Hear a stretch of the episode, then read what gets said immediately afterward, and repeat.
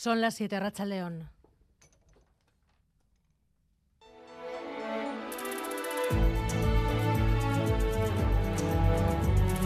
Gambara con Arancha García. Gasteiz recuerda los sucesos de 1976 cuando cinco obreros fueron asesinados por disparos de la policía. Otro 3 de marzo con una manifestación a esta hora Miquel Saez Arracha León. Hola, Racha León. Así es, una manifestación multitudinaria que partía a las seis y media de la tarde, puntual, desde el monolito que recuerda aquel trágico día de 1976. La cabeza de la marcha transcurre ahora mismo por la calle Paz junto al corte inglés, pero la cola de esta marcha todavía no se ve, nos han comunicado, nos han dicho que hay mucha gente. De hecho, en la Plaza Bilbao, cuando transcurría por ese punto, todavía había gente que no había comenzado la manifestación. Como decimos, eh, aquí por el centro de Vitoria-Gasteiz en, conmemoración de los 47 eh, años de aquella matanza en la que la policía asesinó a cinco trabajadores. Hoy el protagonismo de la tarde ha sido para la Asociación de Víctimas Marchoak Iru. Se han felicitado por el acuerdo que han logrado para la constitución de la fundación que va a gestionar el memorial del 3 de marzo, pero al mismo tiempo se han lamentado de los 47 años de olvido que han padecido las víctimas.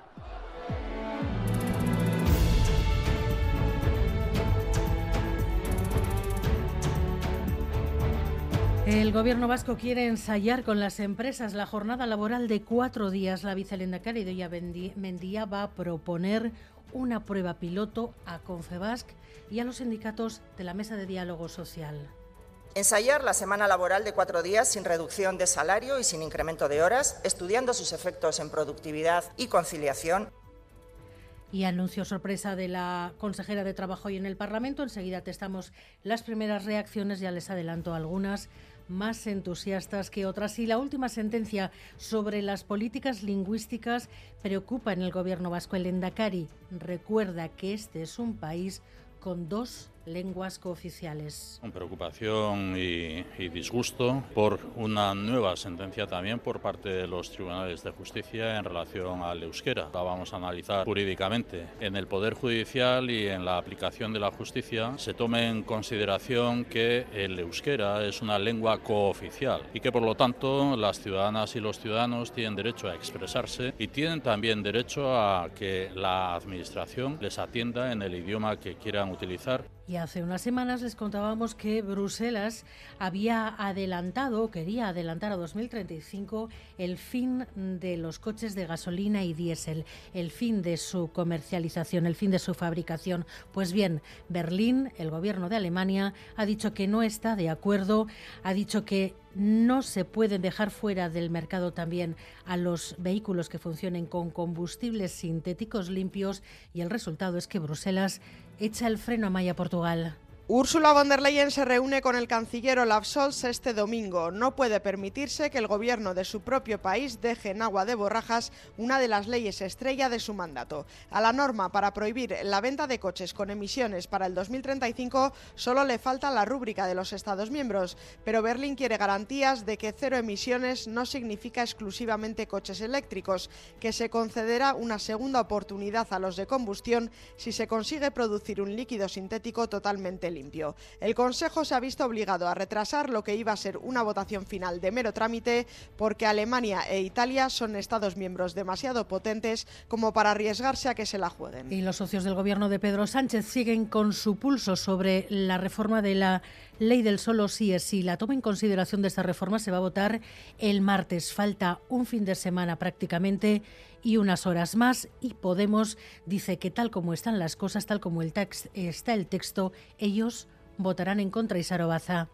Sí, los morados han dado un ultimátum a sus socios de gobierno o cierran un acuerdo con la mayoría feminista del Congreso de aquí al martes o Podemos votará en contra de la proposición de ley del PSOE. De ninguna manera votarán a favor de una reforma que supondría, dicen, volver al Código Penal de la manada. Aún así, confían en poder cerrar un acuerdo en los próximos días. De todas formas, la proposición no corre peligro. Los votos del PP, Vox, Ciudadanos, PNV y PDCAT están garantizados. Y en carreteras un punto con problemas a esta hora en la N634 en Galdar Galdacao, sentido Bilbao. Dos vehículos han colisionado, hay mm, heridos leves.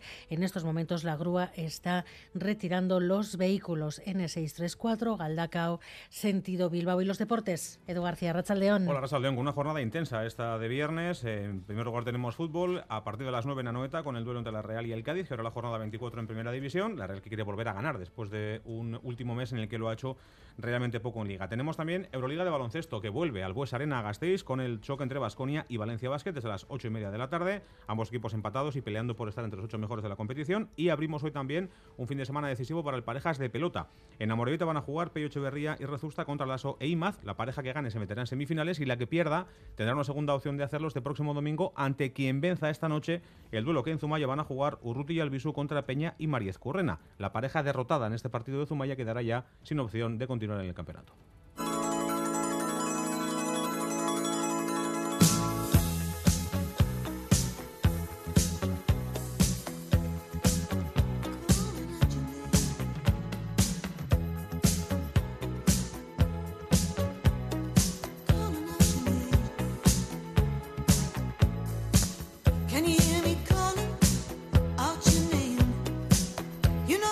Ha sido una complicada maniobra de mucha precisión el traslado de la obra de Chillida que hay, que había, a las puertas del Museo Bellas Artes.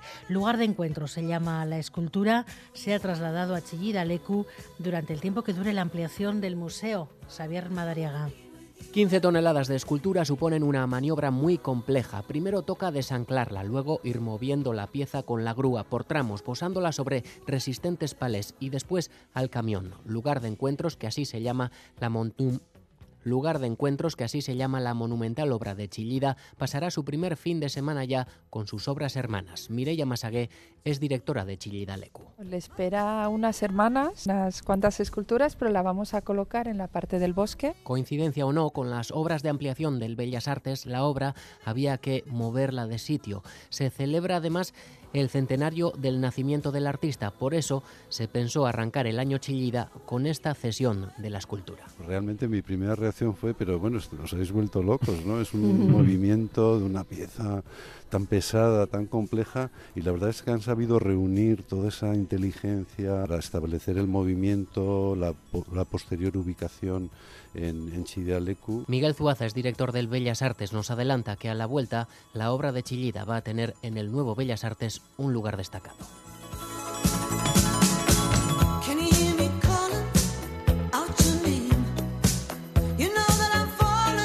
Miguel Ortiz y Alberto Subeldía están en la dirección técnica, Cristina Vázquez en la producción.